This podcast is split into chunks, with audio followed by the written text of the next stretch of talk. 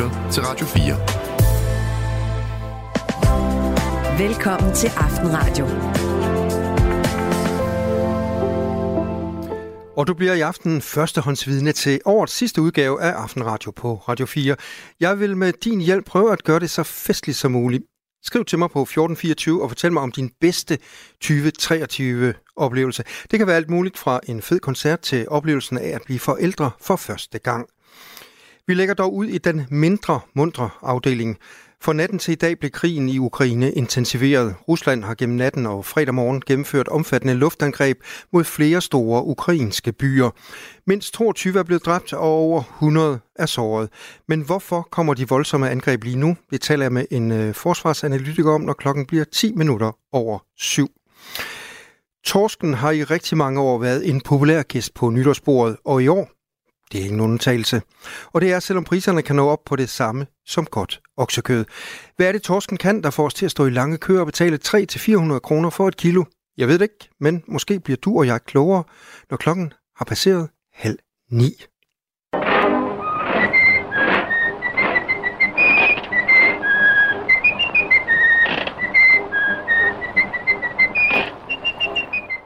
Den her lyd er 95 år gammel. Den stammer fra de første indspilninger af Disneys Steamboat Willie med Mickey Mouse. Klassikeren fra 1928 er nu aktuel, fordi rettighederne til filmen og den helt tidlige Mickey Mouse-karakter udløber ved årsskiftet. Hermed kan vi komme til at se flere angreb på den kendte Disney-figur, det vurderer en tegnefilmskender. Ham taler jeg med i anden time af Aftenradio. Mit navn er Claus Andersen, og du kan som nævnt og som altid skrive til mig på 1424. Velkommen til årets sidste Aftenradio på Radio 4.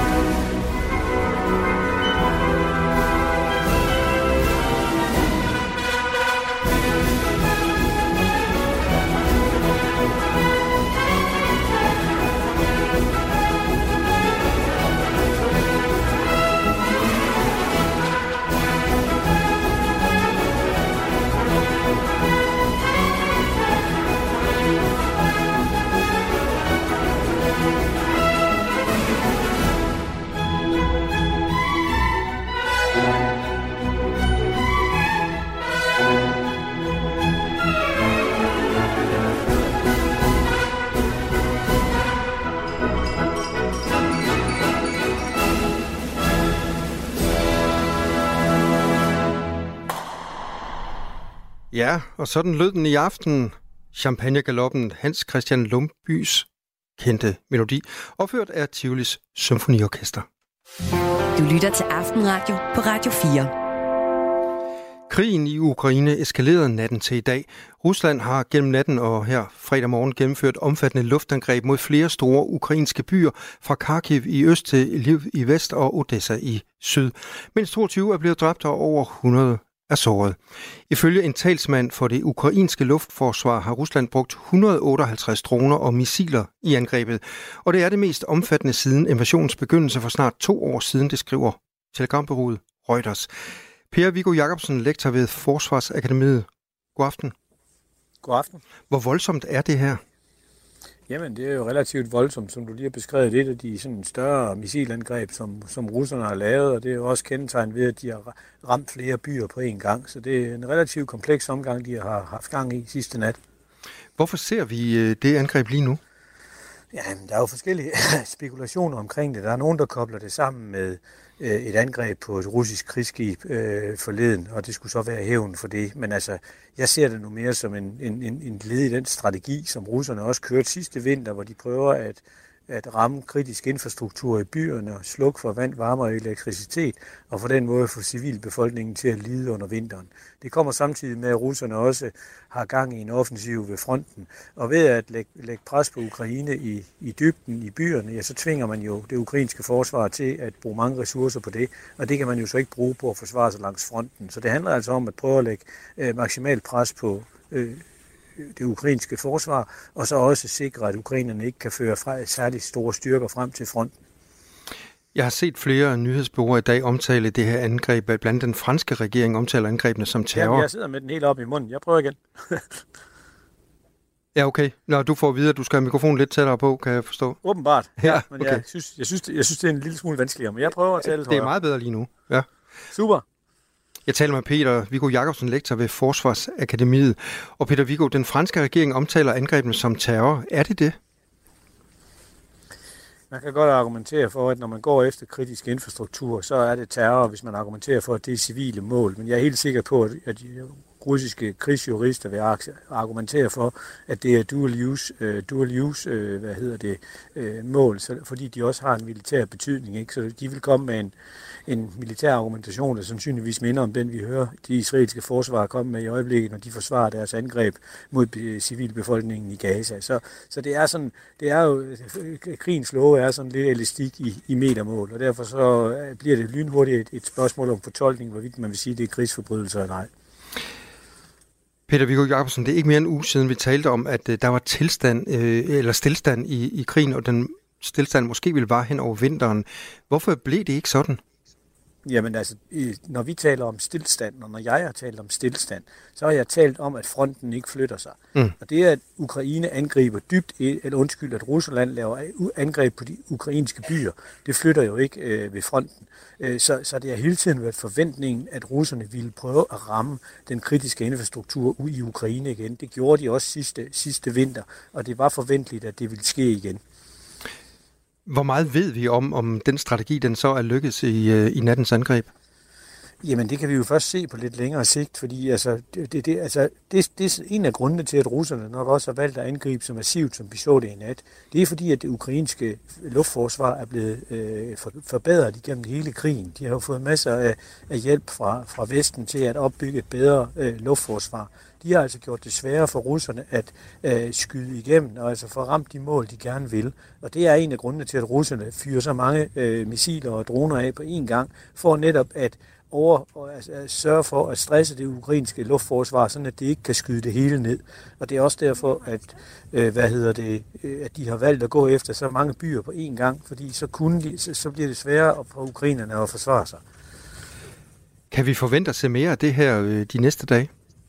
Jamen, det, det, det, jeg synes, det er svært at vide præcis, hvad timingen er i det, og grunden, og grunden til det er, at det, vi ikke har særlig god viden om, hvor, meget, hvor stor missilbeholdning russerne egentlig har. Ukrainerne har selv været ude som reaktion på nattens angreb og sige, ah, men nu er de nærmest skudt tom. Øh, det synes jeg nok er en lidt dristig melding. Jeg forventer, at der kommer flere missiler, men det er ikke sådan, at russerne bare kan kan gøre det her dag ud og dag ind, for det er de simpelthen ikke missiler nok til. Men de vil have, øh, der er meldinger om, at russerne har øh, for, øh, altså for, for, forøget deres øh, missilproduktion til trods for de, for de vestlige sanktioner. Så de er stadigvæk også er i stand til at producere avancerede missiler. Så, så de, de, vi må forvente, at de har øh, kapacitet til at lave flere af den her type angreb. Jeg taler med Peter Viggo Jacobsen, lektor ved Forsvarsakademiet. Vi taler om øh, det missilangreb, som russerne de øh, angreb øh, Ukraine med øh, natten til i dag. Og Peter Viggo Jacobsen, øh, hvad har Ukraine af muligheder for at svare igen? Du kan sætte dine ting imellem, over eller under Jamen, det, der, der, der, der, der, der er jo to må- måder at gøre det på. Det ene er rent defensivt at skyde missiler ned, og det lykkes øh, Ukra- ukrainerne jo også øh, med i vidt omfang, i hvert fald hvis man skal, hvis man skal tro dem selv. Men de kan jo også øh, gøre gengæld ved så også at ramme russiske mål i dybden. De, kan, de har jo tidligere lavet flere angreb på, på Krimhaløen og ramt bag ved fronten. Der, hvor de har en strategisk udfordring, det er, at USA ikke vil have, at ukrainerne angriber mål ind i selve Rusland. Det, amerikanerne prøver at holde krigen begrænset til selve Ukraine, og, hvis, og der har man, amerikanerne forsøgt at lave sådan lidt en gentleman agreement med, at hvis øh, USA ikke støtter angreb ind i selve Rusland, så angriber Rusland heller ikke mål på NATO's territorium. Øh, så, så der er ukrainerne altså lidt under pres fra USA fra ikke at angribe øh, langt ind, altså begynde at gå efter russisk kritisk infrastruktur. Der kan også være en pointe i at lade være, fordi som, som franskmændene jo har været ude at reagere og, og kritisere russerne ved at sige, at det her det er et terrorangreb. Hvis, hvis ukrainerne svarer igen med samme mønt og også angriber kritisk infrastruktur i Rusland, ja, så gør de jo det præcis det samme. Og så kan man i hvert fald ikke få nogle propagandafordele ud af det. Så, så jeg vil forvente, at ukrainerne fokuserer på at, at, at bekæmpe det defensivt og simpelthen bare sørge for at være gode til at skyde langt de fleste russiske missiler ned. Og det vil så på et tidspunkt også få russerne til at lade være, for det er jo spild af missiler, når det ikke virker. Så vi kommer ikke til at se øh, ukrainerne de næste dage øh, rykke fronten frem?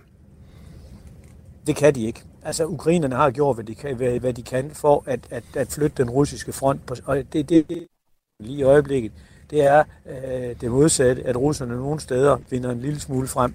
Øh, ikke noget, der har, for, for, for, har, er, har betydning for, for krigens videre forløb, men, men det er Ukraine altså russerne, der angriber i øjeblikket. Så jeg har svært ved at forestille mig, at ukrainerne vil prøve at svare igen ved at, at, at starte en offensiv øh, langs fronten. Peter Viggo Jacobsen, lektor ved Forsvarsakademiet. Tak fordi du var med i aften. Det lyder som om du er på vej på nytårsferie. Kan du have det godt? Ja, eller, ja i lige måde, du har godt nytår. Tak, lige måde. Du lytter til Aftenradio på Radio 4. Nytår, nye investeringer og mere overskud på kontoen. Lyder det også som et nytårsfortsæt for dig? Hvad skal der ske med din økonomi i 2024? Find ud af det, når Sofie Østergaard giver dig gode råd til at få mest muligt ud af din økonomi. Jeg hjælper dig med at forstå, hvad der er op og hvad der er ned, når det handler om aktier og investeringer. Og synes du, det lyder uoverskueligt? Så tag det roligt. Det er faktisk overhovedet ikke særligt svært, Radio 4. og det er skideskægt. Ikke så forudsigeligt. Du lytter til Aftenradio på Radio 4. Din vært i aften er Claus Andersen. Klokken den er 18 minutter over syv, og det er som sagt årets sidste Aftenradio. Skriv ind til mig på 1424 og fortæl om øh, din bedste oplevelse i år. Det kan være alt lige fra en øh, biograftur til en koncert. Ja, det kan være alt muligt.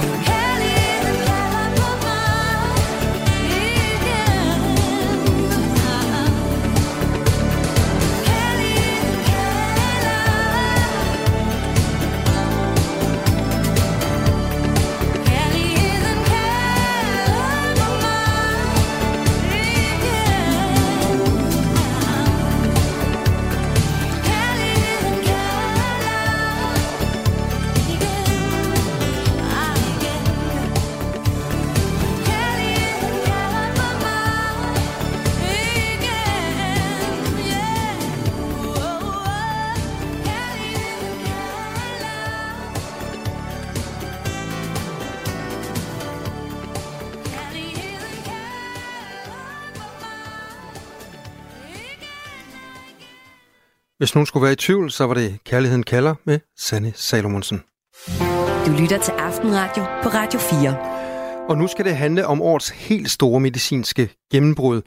Det er nemlig kun et år siden, at slankemidlet Vegovi blev lanceret. Og siden da har over 90.000 danskere fået udskrevet medicinen på recept. Vegovi indeholder et stof, der hedder semaglutid, og det efterligner et hormon i kroppen, som normalt frigives i kroppen, efter man har spist. Når du stikker dig, regulerer du derfor dit blodsukkerniveau, og det har en appetitnedsættende virkning. Det er især i aldersgruppen 45-64-årige, der får præparatet, som kommer i form af en sprøjtebrugerne, så selv skal stikke sig med.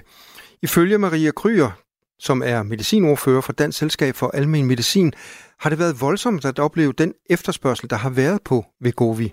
Det er første gang nogensinde, at vi oplever så stor en efterspørgsel på et øh, medicinsk præparat, øh, hvor det tidligere er, er, er lægerne, som, som anbefaler en behandling til deres patienter, og altså, så, så, så er det omvendt nu, hvor, hvor patienterne kommer og, og beder om en, en behandling. Det er jo ikke set, det er ikke set siden vi ikke har kommet på markedet. Ifølge tal fra Sundhedsdatastyrelsen har mere end 93.000 borgere i Danmark fået udskrevet Vegovi på recept mellem 1. december 22 og 30. september i år. En af grundene til den store efterspørgsel handler selvfølgelig om den kampagne, som firmaet bag, altså Novo Nordisk, har ført. Men præparatet er også gået viralt på sociale medier, og det er rigtig god reklame i sig selv, fortæller Maria Kryer. Også i, i Hollywood ser man jo også, at, at, at der er sket massiv vægttab rundt omkring, og jeg tror, det smitter jo øh, og, og inspirerer folk til, gud, jamen, det kunne da være, det også er noget for mig at prøve det. Så jeg tror, der har været en, en, en meget stor omtale af det her præparat, og det, og det gør selvfølgelig folk interesserede, det kan man godt forstå. Ifølge Maria Kryer er to tredjedel af dem, der henvender sig, kvinder, og langt de fleste opfylder kriterierne, som blandt andet lyder, at man skal have et BMI over 30. Men vi har også haft henvendelser fra, fra især kvinder, unge kvinder, som ikke opfylder kriterierne for det. Men ellers så vil jeg så sige, det er alle ældre. Det er fra helt ned fra starten af 20'erne til, til kvinder i 70'erne. I juni besluttede det europæiske lægemiddelagentur EMA at iværksætte en undersøgelse af, om det aktive og sultnedsættende stof semaglutid øger risikoen for skjoldbruskkirtelkræft hos patienter med type 2 diabetes. De mest almindelige bivirkninger ved Vegovi er hovedpine, kvalme, opkastning, diarré, forstoppelse, mavesmerter og træthed. Og spørger man Maria Kryer, er der også nogle dilemmaer forbundet med et præparat som Vegovi, særligt når vi i forvejen er et land, der er glade for medicin man kan sige, at vi skal selvfølgelig behandle mennesker, som, som er overvægtige i en grad, så det er ledelsesfuldt, ikke? eller de er funktionsbegrænsede, eller de har svære risici for at, for at udvikle følgesygdomme. Men, men det gælder jo langt, langt fra øh, hovedparten af mennesker, som er, er syge af deres overvægt. Man kan jo sagtens være sund og rask og, og, og, og være en, en, og have en krop, der er overvægtig. Man kan sagtens være stærk og, og fysisk aktiv.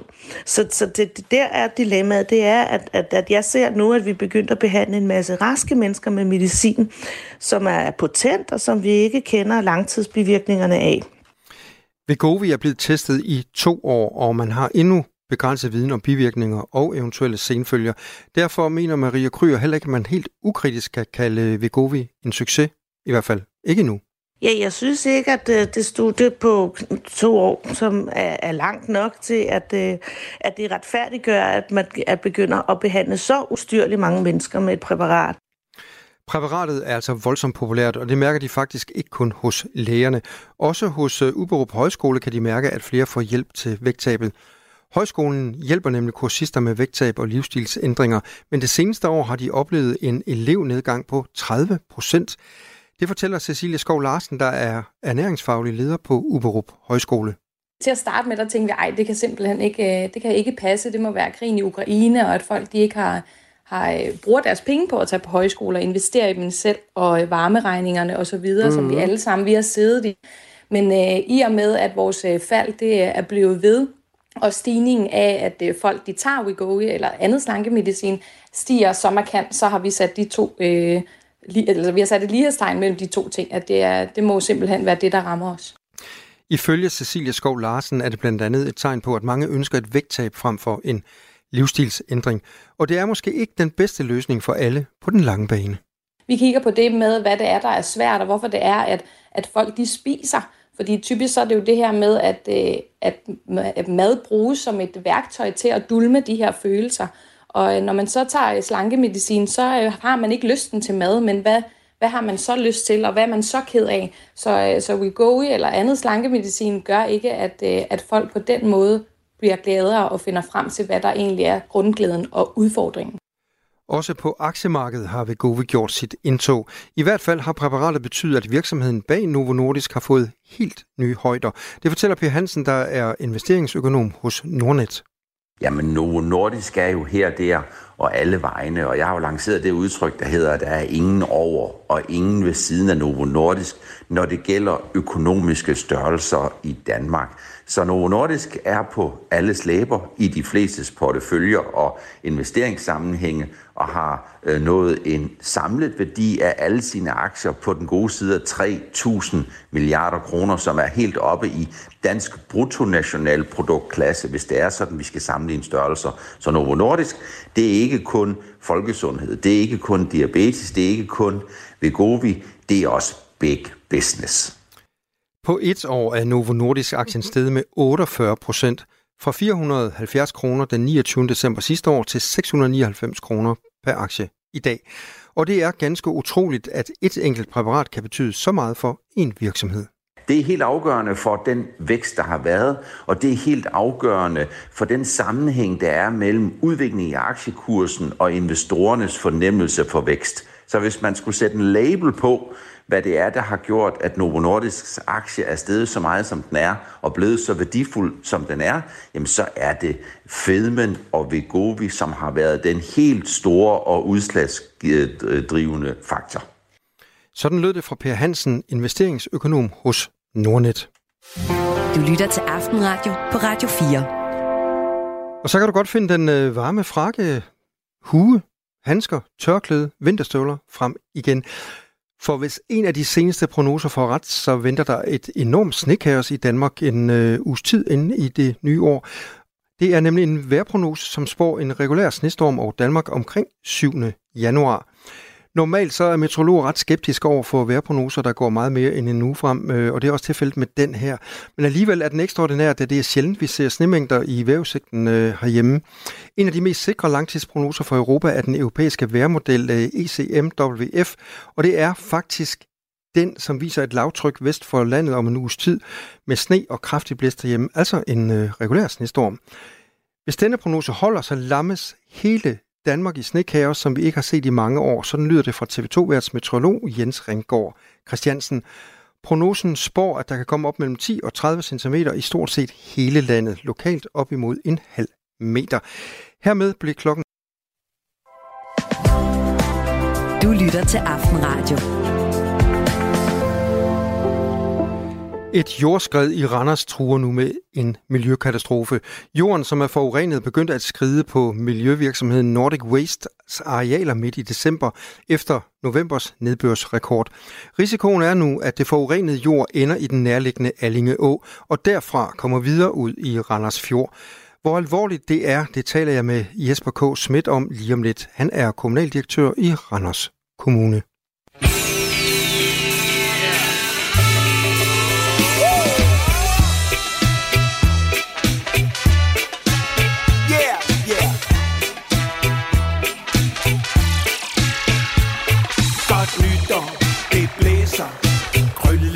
Fantasien Som bobler i flasker Som sammenrullet serpentin. Nu kører fortiden fra en tid til party Det gamle år går mod nytår. På vaklende ben Fremad i mørket til party Og man må prise sit sort Og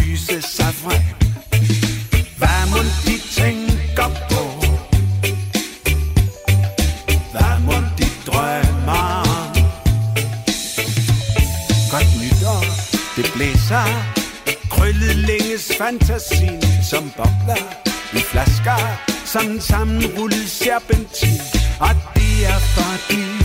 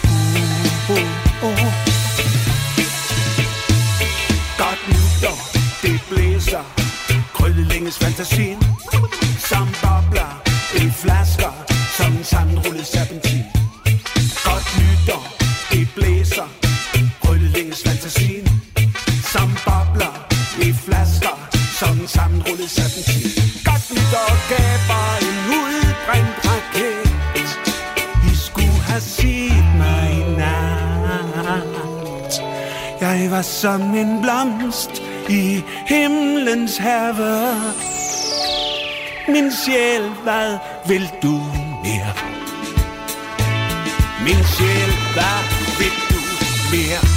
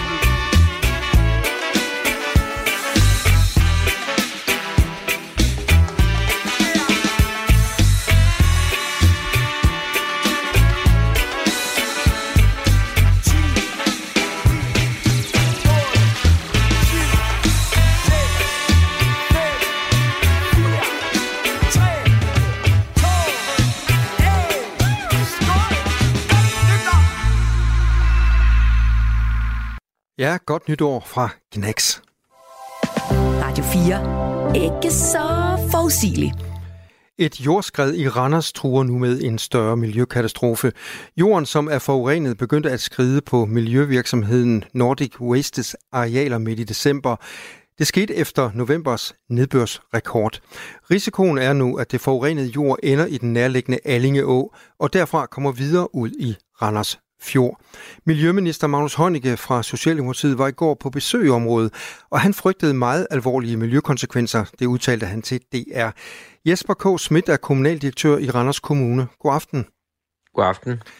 Jesper, lad os begynde med det faktuelle. Hvad var det præcis, der skete øh, den dag midt i december?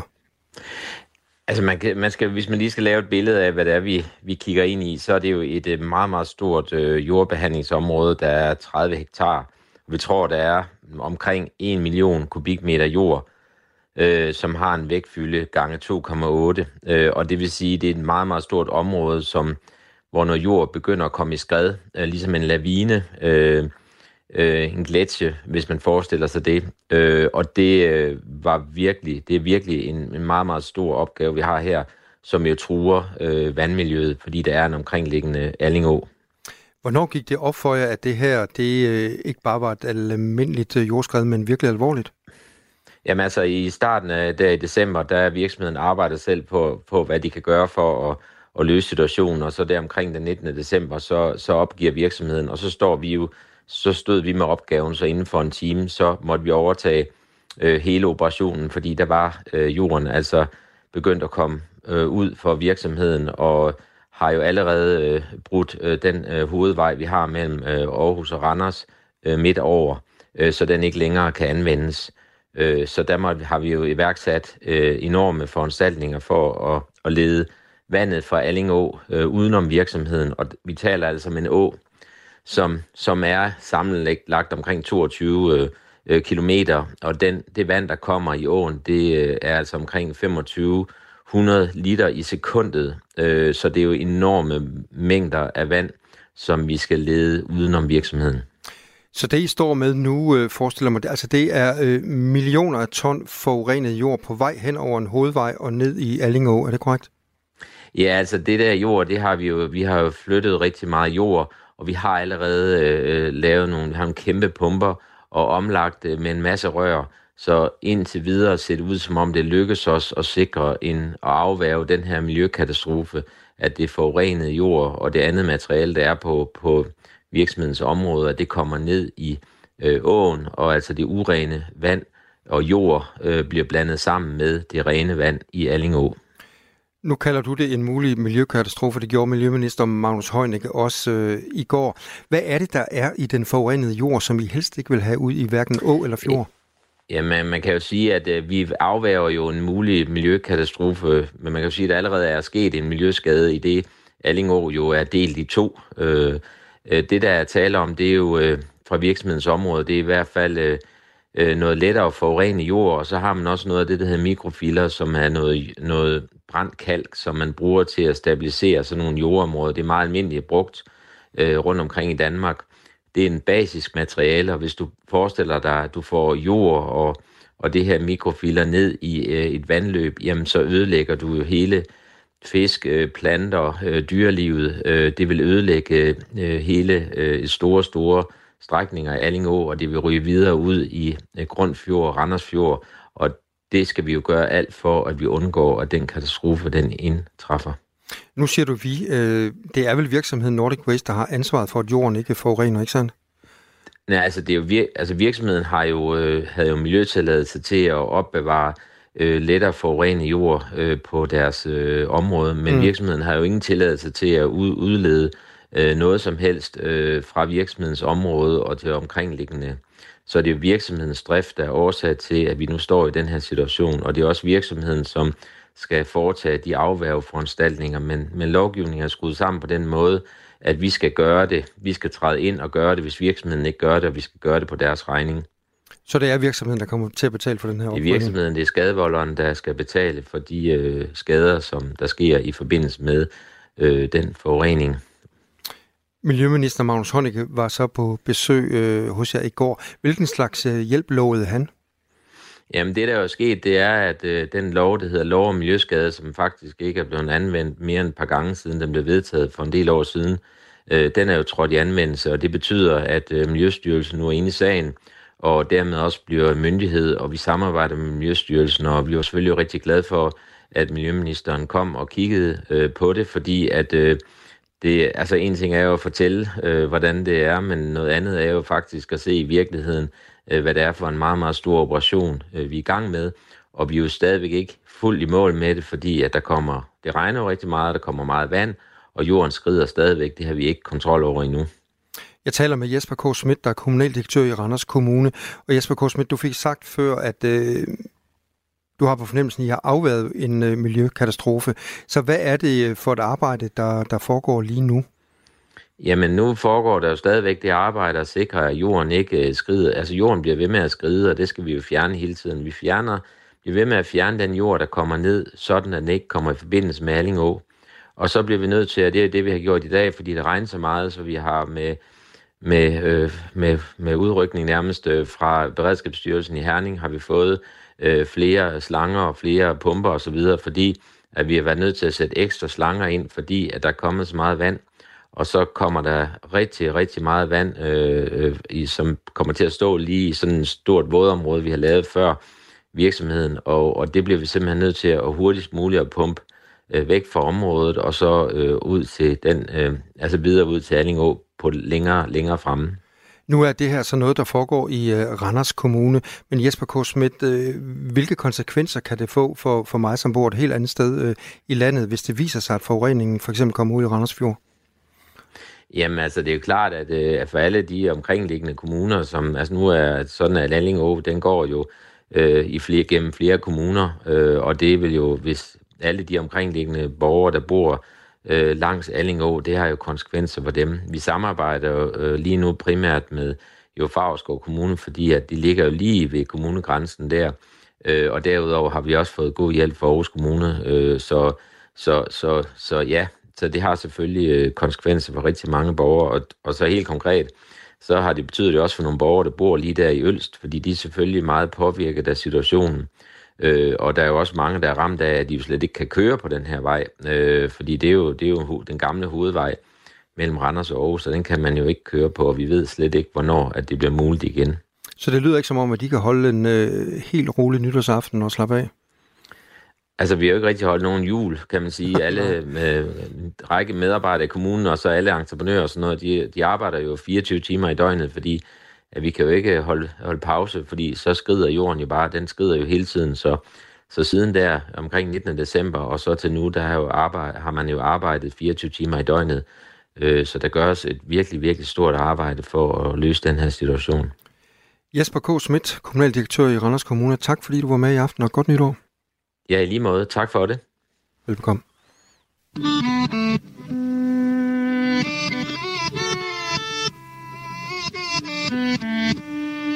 Yeah, yeah, oh yeah, what condition my condition was in.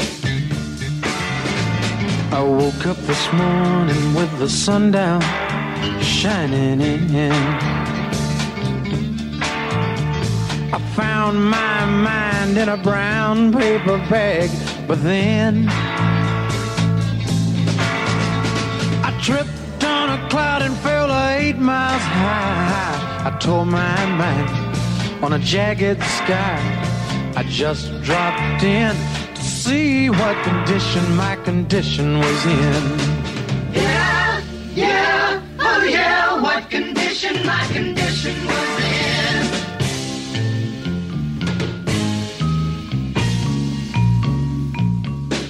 I pushed my soul in a deep dark hole and then I followed it in. I watched myself crawling out as I was crawling in.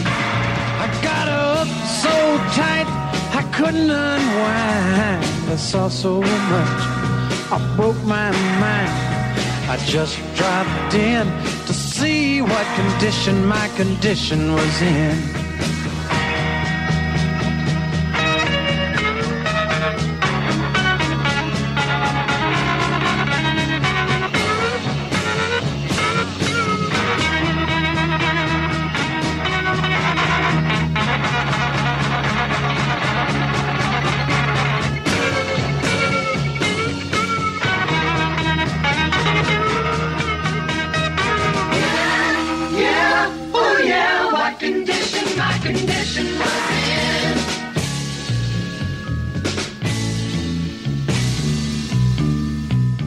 Someone painted April Fool in big black letters on a dead end sign.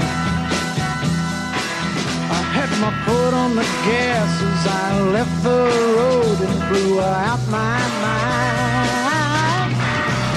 Eight miles out of Memphis and I got no spare. Eight miles straight up downtown somewhere.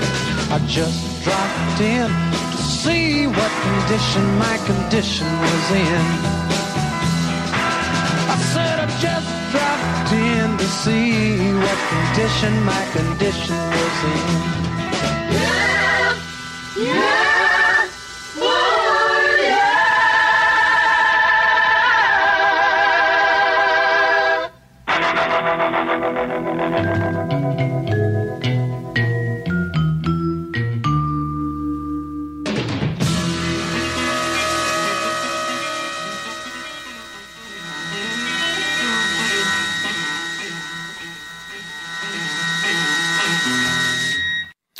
Et lidt anderledes nummer fra Kenny Rogers and the first edition just dropped in to see what condition my condition is in.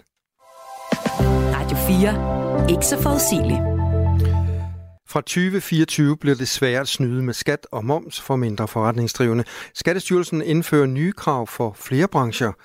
Et af kravene betyder, at forretningsdrivende som kiosker, pizzerier, værtshuse udelukkende skal have digitale kasseapparater i forretningen fra årsskiftet. På den måde kan Skattestyrelsen bedre holde øje med, at der ikke foregår betalinger uden om kasseapparatet. Beslutningen om digitale kasseapparater blev vedtaget helt tilbage i 2018, men de sidste retningslinjer fra Skattestyrelsen til de nye apparater kom først så sent som her i slutningen af oktober. Og det giver udfordringer for de forretningsdrivende, som skal stå klar med digital kasseapparat her om øh, få dage. Sådan lyder det fra Jesper Lundberg, formand for Nærbutikkernes Landsforening. Der er det øh, problem, at der var mange, der havde i kasseapparat, der også var digitalt og troede, at de levede op til kravene øh, hvor efter de nye krav kom, og øh, så levede de lige pludselig ikke op til kravene. Det vil sige, så skulle de ud og have et nyt kassesystem, øh, på trods af, at de mente, at det, de havde, kunne opfylde kravene. Og eftersom der er leveringstid på, på sådan nogle kassesystemer, så, så kan de jo ikke nå at blive klar. Og Jesper Lundberg, han er dybt bekymret for medlemmerne. Øh, de er frustrerede, man kan sige, at øh, mange af de selvstændige er jo plus 50, og måske igen ikke øh, inde i den digitale verden. Så det er en, en hård øh, omstilling, kan man sige, fordi det er noget, de ikke kender til på forhånd. De nye krav om digitale kasseapparater er et led i kampen mod sorte penge i detailhandlen. På den måde kan skat holde øje med, hvad der kommer ind og ud af butikken hjemmefra. Det er altså ikke nødvendigt at komme ud i butikkerne. Kontrollen kan foregå digitalt og til hver en tid. En af de forretningsdrivende er Jan Johansen. Han er ejer af Skalborg Kiosk og Spillehal. Han venter på de nye kasseapparater her få dage før kravene træder i kraft. Jeg kan nok ikke blive klar til, til 1. januar, øh, hvor vores kasseudbyder, eller der, vi har kasseterminalen igennem, de kunne ikke øh, efter arbejde længe på det, kunne de ikke implementere det i deres system. Så måtte vi jo så ud og finde en ny efterfølgende. Det var her lige i starten af december, jeg fik det at vide, så jeg, jeg er ret presset på tid. Men nu skal de jo først til at lægge min vare ind, og mine øh, forskellige ting, der nu ligger i kassen i forvejen, dem får de overført i deres, og så sender de til mig. Og så skal jeg oplære sit nye kassesystem, som jeg så skal oplære min ansatte i. Så det er jo ikke bare lige at, at, at trykke på en knap, og så kører det hele. Og netop leverandørerne af de her nye digitale kasseapparater, ja, de har været presset på tid på grund af den her sene udmelding. Ifølge underdirektør for Skattestyrelsen Preben Buchholz, så er leverandørerne også en forklaring på, hvorfor deres udmelding er kommet så sent ud. Jeg kan nok ikke blive klar til, til 1. januar, øh, hvor vores kasseudbydere, eller der, vi har kasseterminalen igennem, de kunne ikke øh, efter arbejde længe på det, kunne de ikke implementere det i deres system. Så måtte vi jo så ud og finde en ny efterfølgende. Det var her lige i starten af december, jeg fik det at vide, så jeg, jeg er ret presset på tid. Men nu skal de jo først til at lægge min vare ind, og mine øh, forskellige ting, der nu ligger i kassen i forvejen, dem får de overført i deres, og så sender de til mig. Og så skal jeg oplære sit nye kassesystem, som jeg så skal oplære min ansatte i. Så det er jo ikke bare lige at, at, at trykke på en knap, og så kører det hele. Som reglerne er nu, er det ikke alle kasseapparater, som lever op til de nye regler. Du vil heller ikke kunne nøjes med en øh, standalone betalingsmiddel, som er en lille håndholdt terminal. Konkret betyder de nye regler, at hvis du har en omsætning på under 10 millioner kroner årligt, og du arbejder på en restaurant, pizzeria, grill og isbar, værtshus, diskotek, café, købmand eller døgnkiosk, så skal du have et digitalt kasseapparat stående per 1. januar 2024. En undersøgelse fra Skatteforvaltningen i 2018 viste, at hver tredje ud af 8.600 virksomheder bevidst snød med skat og moms. Jesper Lundberg, formand i Nærbutikkernes Landsforening, han lægger også ansvaret over til Skattestyrelsen. Øh, skat øh, vidste det her meget, meget, meget længe, øh, at, at det kom. De kunne øh, have kommet med de her retningslinjer for et halvt år siden, øh, så udbyderne på markedet kunne, kunne finde ud af, om de kunne leve op til reglerne eller ej. Nu er de så kommet i sidste øjeblik, hvor øh, nogle udbydere så finder ud af, øh, da de endelige regler kommer, at, at de ikke kan leve op til kravene. Underdirektør for Skattestyrelsen Preben Buchholst, han anerkender nu problemet. Ja, vi anerkender det for kort tid i forhold til øh, nogle af de eksempler, vi har hørt i forhold til at finde leverandører og få det implementeret og få opdaget personale osv. Øh, så indretter vi kontrolaktiviteterne efter. Men jeg kan kun på det kraftigste opfordre til, at man som virksomhed vi har faktisk en hjemmeside på skat.dk, der, hvis man søger efter digitale, digitale salgsregistreringssystemer, hvor der står en masse øh, krav, man, man som virksomhedsejer kan stille over for ens leverandør. Der er også noget, der hedder et ISAI-certifikat, som, øh, som leverandøren kan vælge, og man som virksomhed, så for eksempel kiosk, kan spørge, om, om leverandøren har. Så vi har gjort alt, hvad vi kan for at hjælpe leverandøren til og i virkeligheden også for at hjælpe virksomheden til, at de kan finde det rigtige apparat. Men det er kort tid, det anerkender vi, og det er indrettet vores kontrolaktivitet efter. Sådan lød det fra underdirektør for Skattestyrelsen Preben Bukholst. Du lytter til Aftenradio på Radio 4. Og det er årets sidste aftenradio her på øh, Radio 4. Klokken den er 4 minutter i 8. Din vært, det er Claus Andersen. Og det er i aften, du kan skrive ind til mig på 1424 og fortælle mig lidt om øh, din bedste eller værste oplevelse her i 2023. Og mens du tænker over det, så kan du lytte til Fleetwood Mac Over My Head.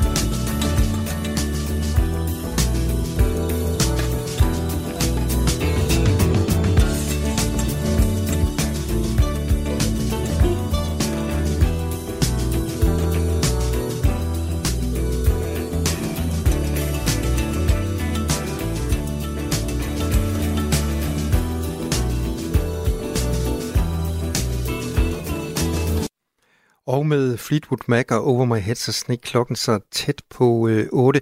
Sarah Becker, hun står og tripper og er klar med nyhederne lige om lidt. Og mens hun læser dem op, så kan du stadigvæk nå at skrive ind til mig på 1424 og fortæl mig om din bedste...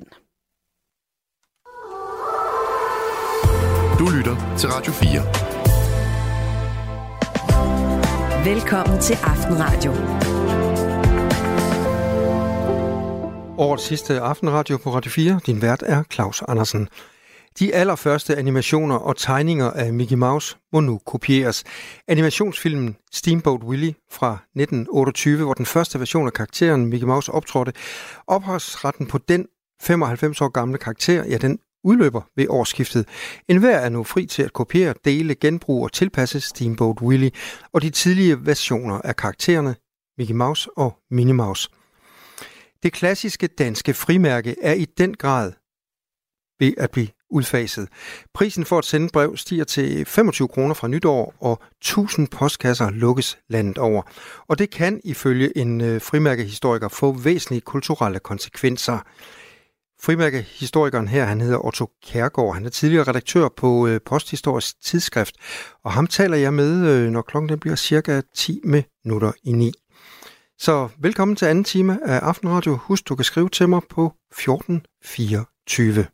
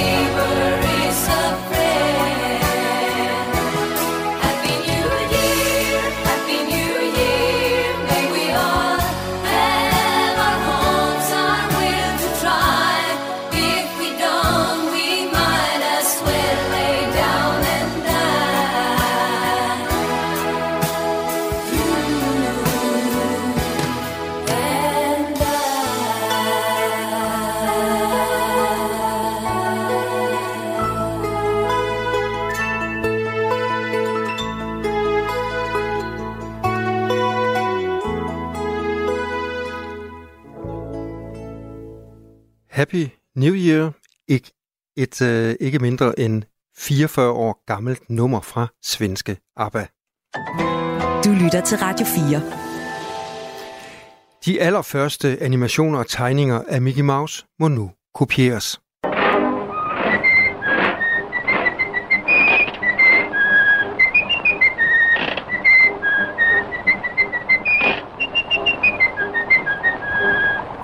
Det her var en fløjtende Mickey Mouse i animationsfilmen Steamboat Willie fra 1928, hvor den første version af karakteren Mickey Mouse optrådte. Ophavsretten på den 95 år gamle karakter, ja, den udløber ved årsskiftet. Dermed åbnes dørene for potentielle genindspilninger. For enhver er nu fri øh, til at kopiere, dele, genbruge og tilpasse Steamboat Willie og de tidlige versioner af karaktererne Mickey og Minnie Mouse. Thomas Thorhauge, han er tegner for Politikken og Weekendavisen. God aften. God aften. At ophavsretten på Steamboat Willie nu løsnes, hvad kommer det til at betyde for øh, animation- og filmbranchen, tror du? Altså, det er jo utrolig spændende, fordi det, det, er, jo, det er jo sådan noget, der lokker mange, og øh, øh, alle har lyst til at lege med de der store dyre og, og ikke mindst meget beskyttede ikoner. Så det, det er jo meget tænkeligt, at, at nogen vil prøve noget øhm, for et par år. Øh, allerede i, det var faktisk i år, øh, blev ophavsretten på Peter Plus øh, også frigivet på samme måde. Altså, hvor det ikke er den senere Peter Plus, men den første Peter Plus, og det førte jo til en, øh, en sådan en splatterfilm, der hed Winnie the Pooh, Blood and Honey, som, som ligesom blev sådan et, et gyser independent hit.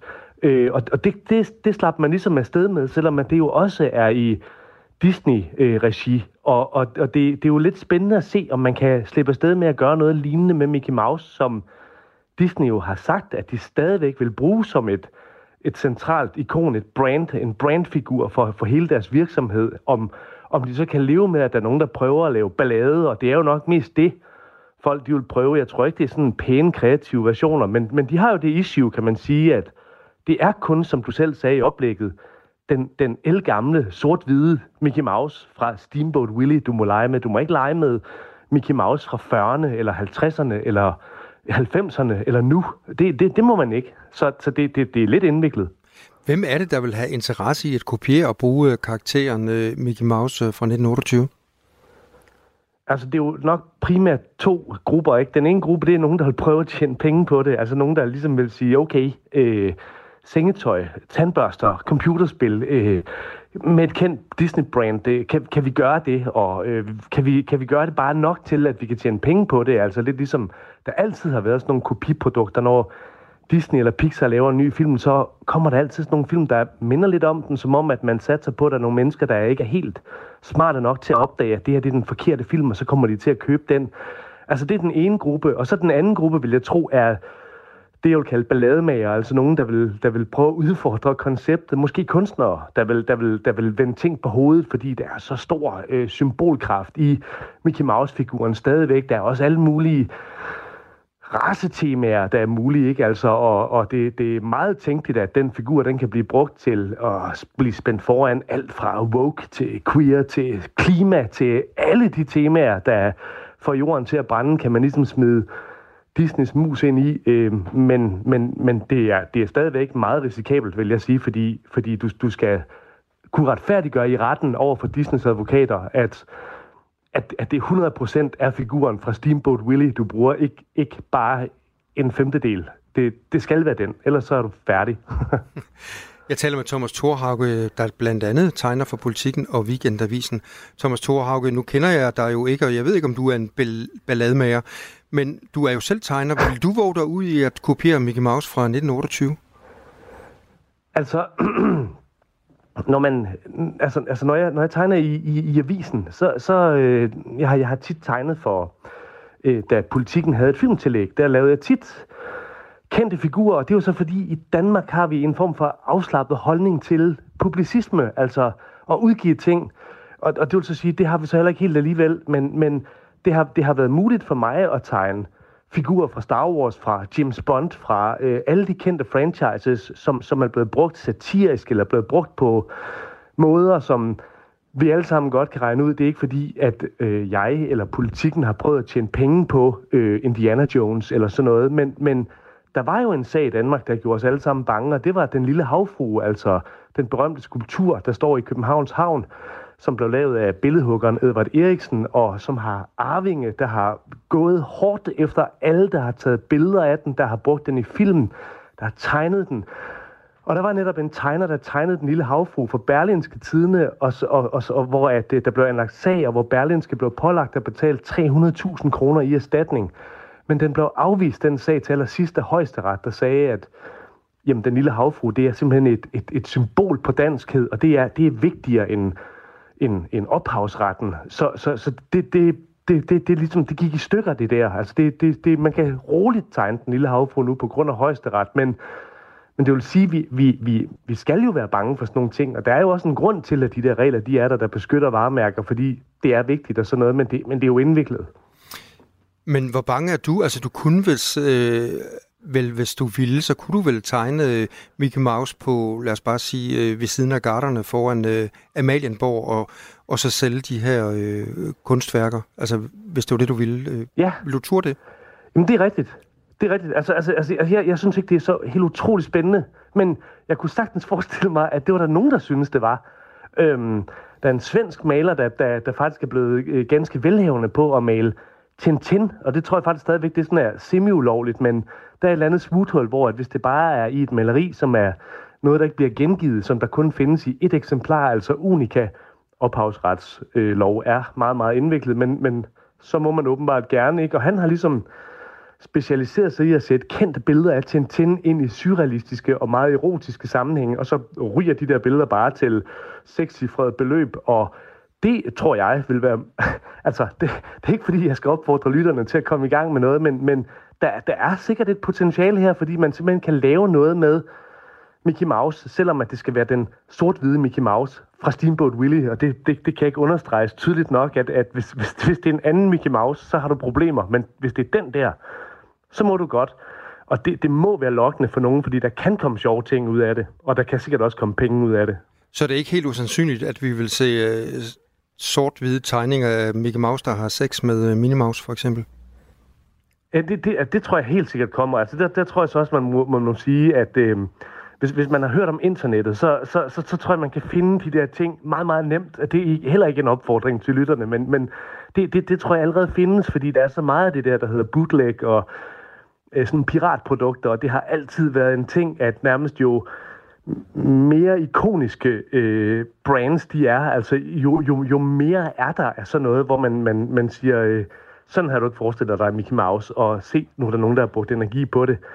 Øh, man kan så sige, at forskellen er så, at nu bliver det sådan fuldstændig lovligt. Altså igen, hvis det er den Mickey Mouse, ikke den anden Mickey Mouse. Mickey Mouse har igennem sit 95-årige liv opnået stor succes. Han er blandt andet blevet tildelt en stjerne på Hollywood Walk of Fame, og Walt Disney har modtaget en æres-Oscar for at have skabt den folkekære figur. I oktober i år kunne Walt Disney Company så fejre sin 100-års fødselsdag. Og Thomas Thorhauge, hvad tror du, de sidder og tænker nu i øh, Disney-koncernen?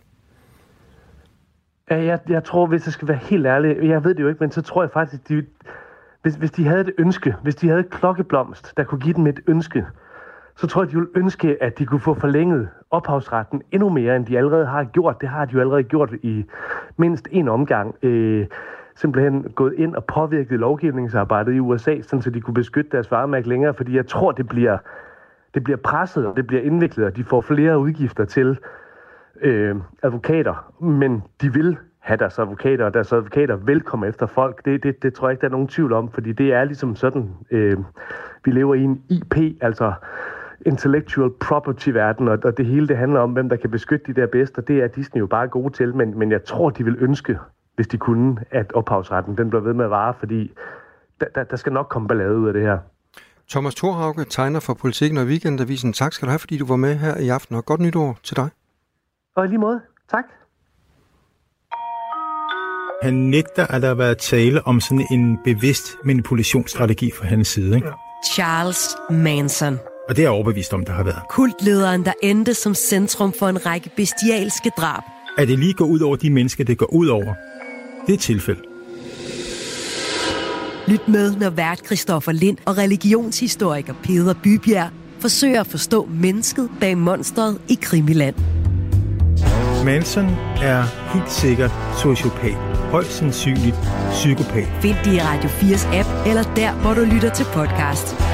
Radio 4. Der er måske mere bag. Ikke så forudsigeligt.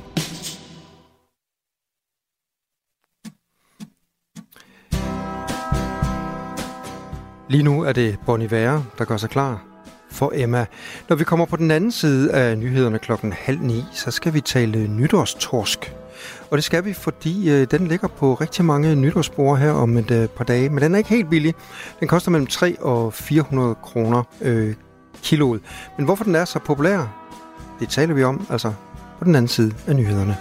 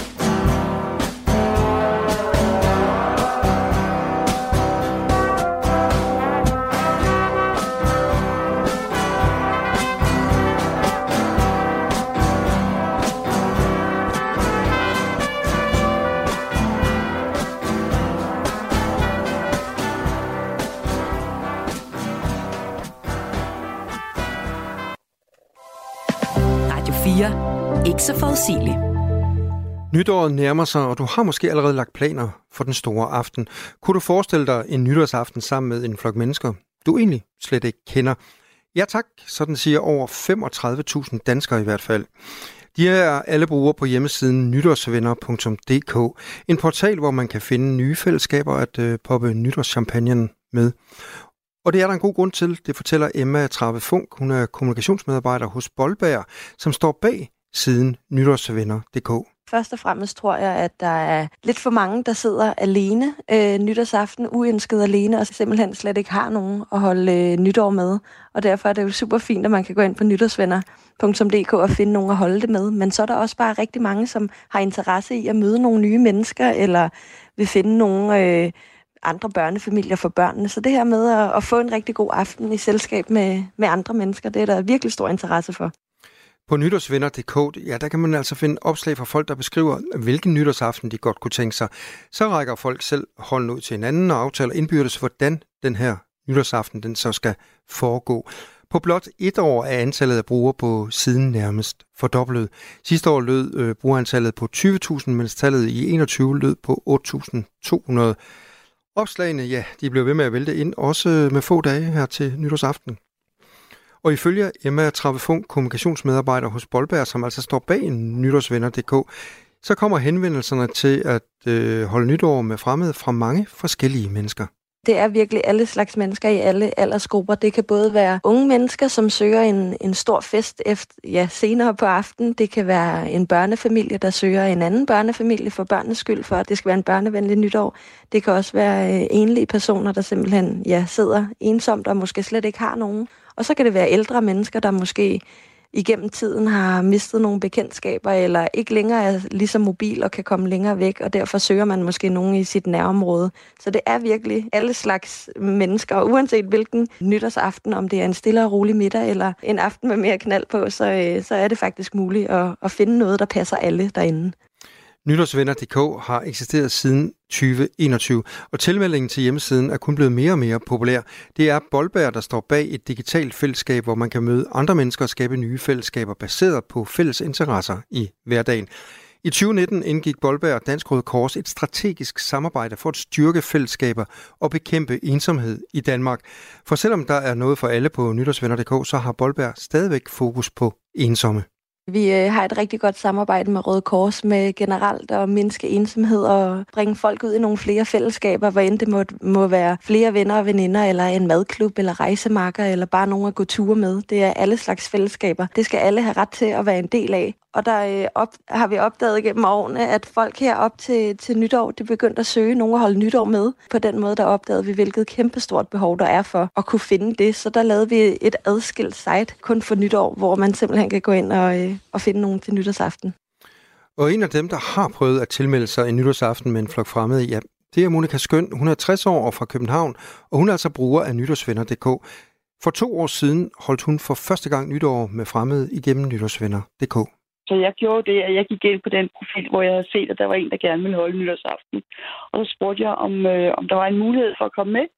Og det sagde kvinden, som øh, det så handlede om, at hun sagde, jamen selvfølgelig, altså vi blev 10, hvis det var, at jeg kom.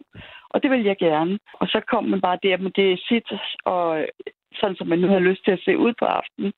Og det var fantastisk, fordi vi, vi, der var kun en, der havde med afbud. Vi var ni forskellige mennesker, og ingen kendte hinanden. Øh, men vi havde alle sammen øh, selskabsblusen på, og sad og pludrede og snakkede, og var fælles om at få øh, varmet maden, og få der plads til, øh, til champagne og kransekage, og til at danse. Monika Skøn, hun blev ved med at holde nytår på den her måde. Hun kan godt forstå, at det kan være grænseoverskridende at skrive et opslag. Øh, sådan har hun også selv haft det. I første omgang, så var det. Fordi jeg havde aldrig prøvet det før. Men altså, jeg har så prøvet det to gange mere nu, ikke? Og nu synes jeg, det er nemt. Og det er dejligt uforpligtende. Altså, man kommer bare den, man er.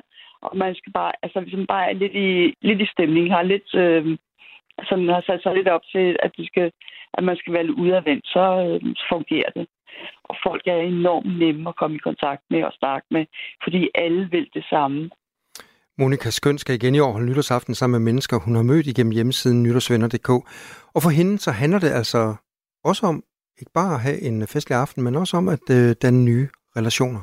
Altså, jeg har det meget sådan, nu får man, eller når jeg kommer, så må jeg se, hvad der sker. Men det er helt klart, hvis der er kemi, og vi, det går rigtig godt mellem os, så, øh, så er det i hvert fald noget, jeg gerne vil fortsætte med. At mødes med de personer, der kommer, ikke? Sådan lød det fra Monika Skøn, bruger af nytårsvenner.dk. Du lytter til Aftenradio på Radio 4. Klokken nærmer sig halv ni, og lige om lidt så er der nyheder med Sarah Becker. Og mens hun læser nyhederne op, så kan du fortsat skrive ind til mig på 1424. Du har lyttet til en podcast fra Radio 4. Find flere episoder i vores app, eller der, hvor du lytter til podcast. Radio 4. Ikke så forudsigeligt.